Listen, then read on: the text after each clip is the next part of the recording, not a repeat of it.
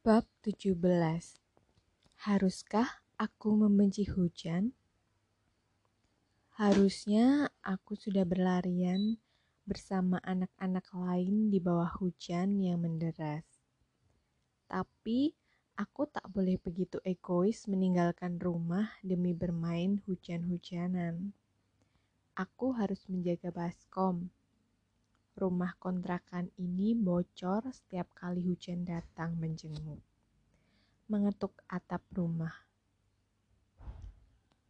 Beberapa lubang bercecer di mana-mana. Kasur dan tikar harus digulung, disimpan di tempat yang aman. Aku dan kakakku biasanya bermain tebak-tebakan di sebelah baskom sembari menunggu hujan mereda. Waktu begitu cepat melesat di bawah hujan yang masih sama dengan tempat berbeda. Aku menaruh beberapa handuk di bawah jendela, menyumpal lubang-lubang yang membawa hujan masuk. Dan ternyata hujan di Indonesia dengan hujan di Hong Kong masih belum apa-apa. Hujan di Hong Kong lebih dahsyat bahkan disertai badai topan.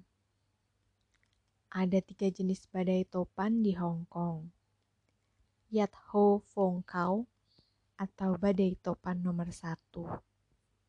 Anak-anak dan orang dewasa masih boleh keluar rumah.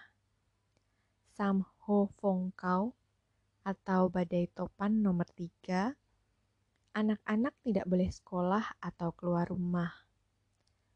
Ho Fong Fong Kau, siapa pun dilarang keluar rumah, tidak ada angkutan beroperasi. Jika pemberitahuan melebihi angka 8 ke atas, itu artinya akan datang badai yang lebih besar dan mengancam. Aku pernah mengalaminya, menggigil takut karenanya. Rinai hujan yang jatuh membuatku menguak segala kenangan yang pernah terjadi di kontrakan kecil kami. Titik-titik hujan yang banyak itu membuat dapur darurat kami basah. Bata-bata yang biasanya kami gunakan untuk memasak lembab. Lemari piring yang pantasnya menjadi rongsokan peninggalan penghuni lama, teronggok bisu di sudut dapur. Kayu-kayu kering yang kami bawa dari kebun pun harus rela berbasah-basahan oleh hujan. Kalau bisa ditukar tempat kayu-kayu itu menjadi aku, aku menjadi dia. Agar kayu itu bisa kami gunakan untuk memasak. Kompor aluminium hanya pemanis rumah saja, tidak ada isi minyak di dalamnya. Tuhan memiliki cara tersendiri, bukan untuk membagi kebahagiaan dalam Tuhan memiliki cara tersendiri, bukan untuk membagi kebahagiaan dalam tiap rumah Hujan masih menjadi tokoh utama dalam cerita. Pada hujan yang sedang bernyanyi, aku menyibak payungku menjemput anak majikan. Melewati supermarket welcome, beberapa blok apartemen, menyeberang jalan menuju Kayip Market, berbelok ke kiri jalan lurus terus melewati sekolah TK dan sekolah nenek jumpo menuju pemberhentian bus dengan nomor 222 Kowloon Tong. Aku masih ingat nomor bus yang sering kuteliti, berharap anak majikanku turun dari sana. Payung yang kupersiapkan kuserahkan padanya, lalu tas punggung sekolahnya aku yang gendong. Dia berjalan di depanku awalnya, kemudian memilih berhenti. Ada apa? Kamu jalan dulu. Hanya itu yang diucapkan. Baiklah, aku berjalan di depan duluan. Beberapa kubangan air sudah kuhindari agar celanaku tidak basah. Tapi dari arah belakang kubangan air itu dipijak dengan keras. Mencuatlah air keruh itu mengenai celanaku. Sial, umpatku. Dia tersenyum menang. Maaf, tak sengaja. Aku tidak menjawab. Ia terbahak-bahak di belakang. Aku menghindari kubangan-kubangan di depan, berjalan memilih areal aman. Ia terus mengikuti secepat aku mulai berjalan. Aku tidak ingin mencari masalah, tapi aku juga harus mengawasi anak majikanku. Takut terjadi apa-apa juga padanya. Ia masih tanggung jawabku. Sekali lagi, kubangan itu dicipratkannya ke arahku. Kali ini, nama Tuhan yang kusebut. Ia tahu aku geram. Akhirnya ia sendiri bosan aku tidak meladeninya dengan perang mulut. Bagaimana kalau aku membalas hal serupa? Aku sendiri yang sudah kena omel majikan. Lagian, seragam itu aku yang mencucinya. Langit mulai lelah menangis. Syukurlah Kini tinggal rintik-rintiknya. Dia sudah diam, kukira semua kembali normal. Dari arah belakang ia lari, lalu berhenti, membuat aku ikut berhenti. Payung itu diputar kencang. Airnya otomatis muncrat ke semua arah. Wajahku dan bajuku basah kuyup. Ia tertawa berlari ke depan, berhenti lagi menungguku jalan, memutar payung lagi, dan aku akhirnya adu mulut. Aku laporkan ke mamimu. Ngomong aja, aku tidak takut. Ia melangkah kembali menuju jalan pulang. Ani, apa kamu tadi jalan duluan? Tidak menunggu Tongtong, hah? bentak majikanku ketika sampai rumah. Dia menyuruhku jalan duluan. Belaku pelan. Kamu itu pembantunya dia, sebab itu kamu jalan di belakang, ngerti nggak? Lagi-lagi kena fitnah. Aku melirik anak majikanku, dia tersenyum bak muka setan. Whatever you say, ma'am, I'm never right. Aku hanya mengangguk dan bilang ya, ya, dan ya. Rules yang berlaku untuk bawahan bukankah selalu menjadi orang yang disalahkan? Benar atau salah tidak penting. Di matanya, benar ya salah, salah ya tetap salah. Di balik tubuh majikanku yang gemuk, di kaca jendela itu ada cahaya yang mengambang warna-warni. Tujuh kelap-kelip warna yang menjadi saksi. Senyum dari langit yang terbalik. Ujian ditimbakan bukan tanpa alasan. Kataku menguatkan. Hujan turun sudah menjadi ketetapan. Lalu pelangi membuat semesta segar kembali masih ada harapan untuk jiwa yang tak pernah lelah meniti mimpi. Bab 18 Sepasang sepatu Aku memejamkan mata dan tahun-tahun itu mulai bergerak merasuki ingatanku. Perlahan berputar, berkunjung ke masa lalu layaknya jarum jam berputar ke arah berlawanan. Kadang ada kalanya aku berharap Semua kesedihan yang terjadi di sana ditiadakan. Tapi sebagian perasaanku berkata, kalau aku melakukannya, hal-hal yang membahagiakan juga ikut sirna. Semakin bertambahnya usiaku, aku semakin menyadari setiap peta kenangan yang terjadi memiliki arti tersendiri, membawakan bekal di masa datang. Aku mulai bersyukur, aku mulai banyak bersyukur atas sebab akibat besaran waktu yang pernah kukayuh. Bila lebaran tiba, anak-anak kakek buyutku yang tinggal di kota berdatangan sowan ke kampung. Mereka selalu membawa ritual berkotak-kotak lungsuran. Ada baju, sepatu, mainan, dan amplop berisikan uang ribuan. Semuanya mendapatkan jatah rata.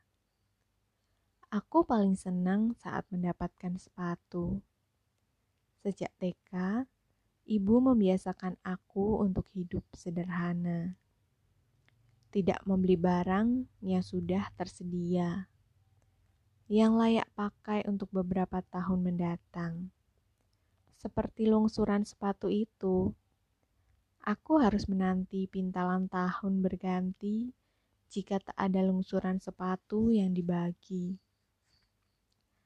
Aku harus merelakan ujung sepatuku menganga, menghirup udara dunia. Jika musim hujan tiba, kaki kaki dan sepatuku bekerja sama dengan baik. Lekas memburu waktu agar tangis langit tak menjatuhkan derainya pada lubang-lubang yang menyembul pada kulit luar dan dalam sepatuku. Dan kalau sudah kepalang basah, terjebak di tengah derasnya, kecipak riak air itu akan merembes masuk hingga kaos kakiku. Dingin. Sesampainya di rumah, setelah kulepas kaos kakiku, telapak kakiku mengembang membuat pori-pori kulit kakiku seperti parit. Hal yang paling membuatku malu adalah ketika guru menyuruhku maju ke depan, mengerjakan soal, lalu semua mata memandang ke arahku. Dari ujung kaki hingga rambut mengawasi penampilanku. Tapi aku selalu ingat kata-kata ibu Sekolah bukan untuk pamer barang mewah. Sekolah untuk menelaah ilmu yang belum kita tahu. Kenapa harus malu, Nak? Buat teman yang mengajakmu bungkam dengan prestasimu. Kata-kata ibu selalu menjadi mantra bagiku ketika aku nyaris hilang percaya diri. Aku menghajar mereka dengan nilai bukan dengan umpatan balik atau caci maki. Lungsuran sepatu masih menjadi tradisi di keluarga kami hingga kini.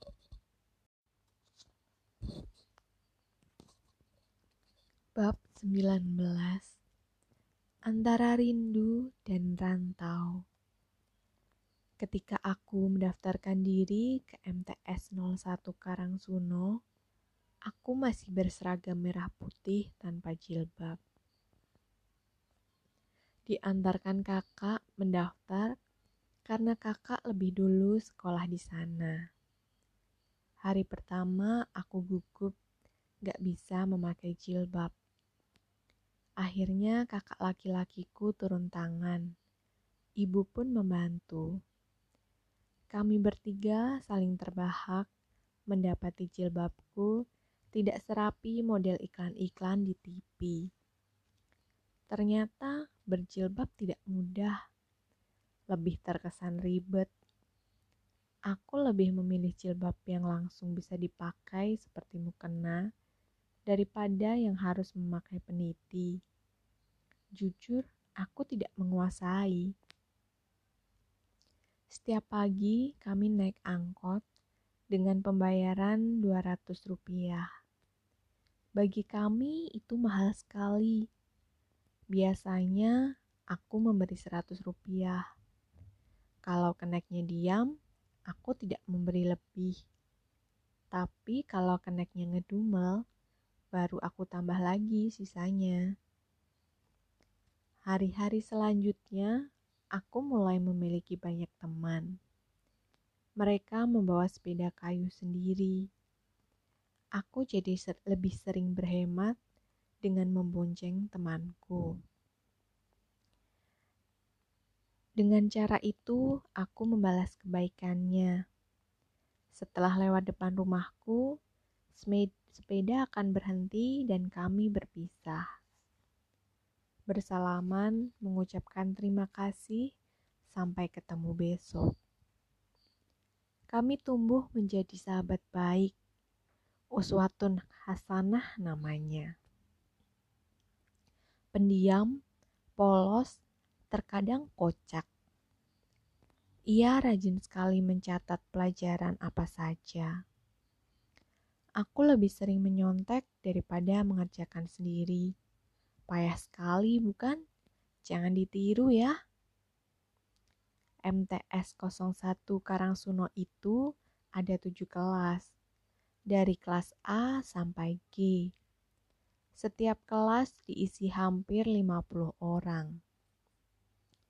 Jika dari kelas 1 sampai 3 dikumpulkan, banyak sekali muridnya ada 1050 siswa-siswi, belum pengajarnya. Belum lagi siswamannya. Di MTS, aku hanya masuk ranking 5 ke bawah. Aku selalu gagal memperoleh ranking 5 besar. Terlalu banyak saingan. Hampir seluruh ibu dan kakak perempuan teman-temanku itu hidup merantau entah itu ke Hong Kong, Singapura, Taiwan, Arab Saudi, Malaysia, Brunei, dan negara tetangga lainnya. Mereka sepertinya santai, tidak terbebani dengan jarak yang membentang tersebut. Banyak juga yang sekolah membawa motor sendiri, padahal mereka tinggal di desa yang jauh di dekat pantai. Tapi semangat mereka untuk sekolah tak pernah padam. Rindu mereka untuk ibunya dibawa ke mana-mana. Kamu gak kangen ibumu? Kataku di sela jam istirahat. Kangen pastilah, tapi ya kan ibu bekerja, mau gimana lagi? Mimik mukanya tidak berubah, masih sama. Kalau mau sekolah, ya harus ada keluarga yang merantau. Mengandalkan penghasilan serabutan juga tidak cukup. Biaya hidup semakin mahal setiap bulannya. Aku masih harus bersyukur, bukan? Eh, tiga tahun kemudian, malah aku yang menjadi sosok perantauan itu. Lain lagi ketika SMA. Teman sebangkuku, Nur Hayati namanya. Saat kelas 2, setiap hari ganti sepatu. Setiap hari ganti tas. Jilbabnya macam-macam penuh bunga, indah sekali. Buku tulisnya, covernya penuh gambar. Sedang aku hanya mampu membeli buku tulis yang murah tanpa gambar. Dari penggaris, pensil, pena, X, semuanya bergambar boneka kesukaannya, Mickey Mouse. Kamu anak orang kaya ya? Semua yang kamu punya bagus-bagus, ganti semua tiap hari, kataku polos. Ini aku dapat kiriman dari kakakku di Korea. Dia menjelaskan gamblang dengan bangganya. Di Korea? Mataku membelalak takjub. Iya, kakakku kerja di sana, di pabrik. Gajinya gede, sebulan 10 juta. Barang-barang ini gak ada artinya buat dia. Jelasnya renyah, serenyah wajahnya yang selalu cerah. Ayo kita ke kantin. Ia merangkulku. Aku bawa bekal kok. Tepisku kalem. Udah makan bekalnya ntar siang istirahat kedua aja. Sekarang aku yang traktir ya. Matanya menatap penuh harap. Tangannya sudah menarik tangan kananku. Allah selalu mengirimkan manusia-manusia baik di sekelilingku. Aku yang penuh kurang ini bisa teratasi dengan kebaikan mereka. Terima kasih ya Robku atas semua yang engkau berikan. Del, nanti pulang sekolah jangan pulang dulu ya. Teriak Rahma dari bangku samping. Mau ke mana? Tanyaku penasaran. Aku nggak enak jika harus keluar jalan-jalan, lalu melupakan tugas utamaku di warung untuk menggantikan Budi Riwayati. Matanya mengedip. Aku dapat kiriman, nanti aku traktir bakso. Senyumnya lebar tersungging dari bibirnya yang manis. Tapi jangan lama-lama ya, Aku harus jaga warung, kataku bersahabat. Sip, habis makan balik kok. Aku tersenyum membalas kebaikannya. Ada enam orang teman sekelasku yang semuanya ditraktir Rahma sepulang sekolah. Lima tahun kemudian, aku bertemu Rahma di Hong Kong aku dipertemukan tanpa sengaja. Ya Allah, dunia ini sempit ternyata ya.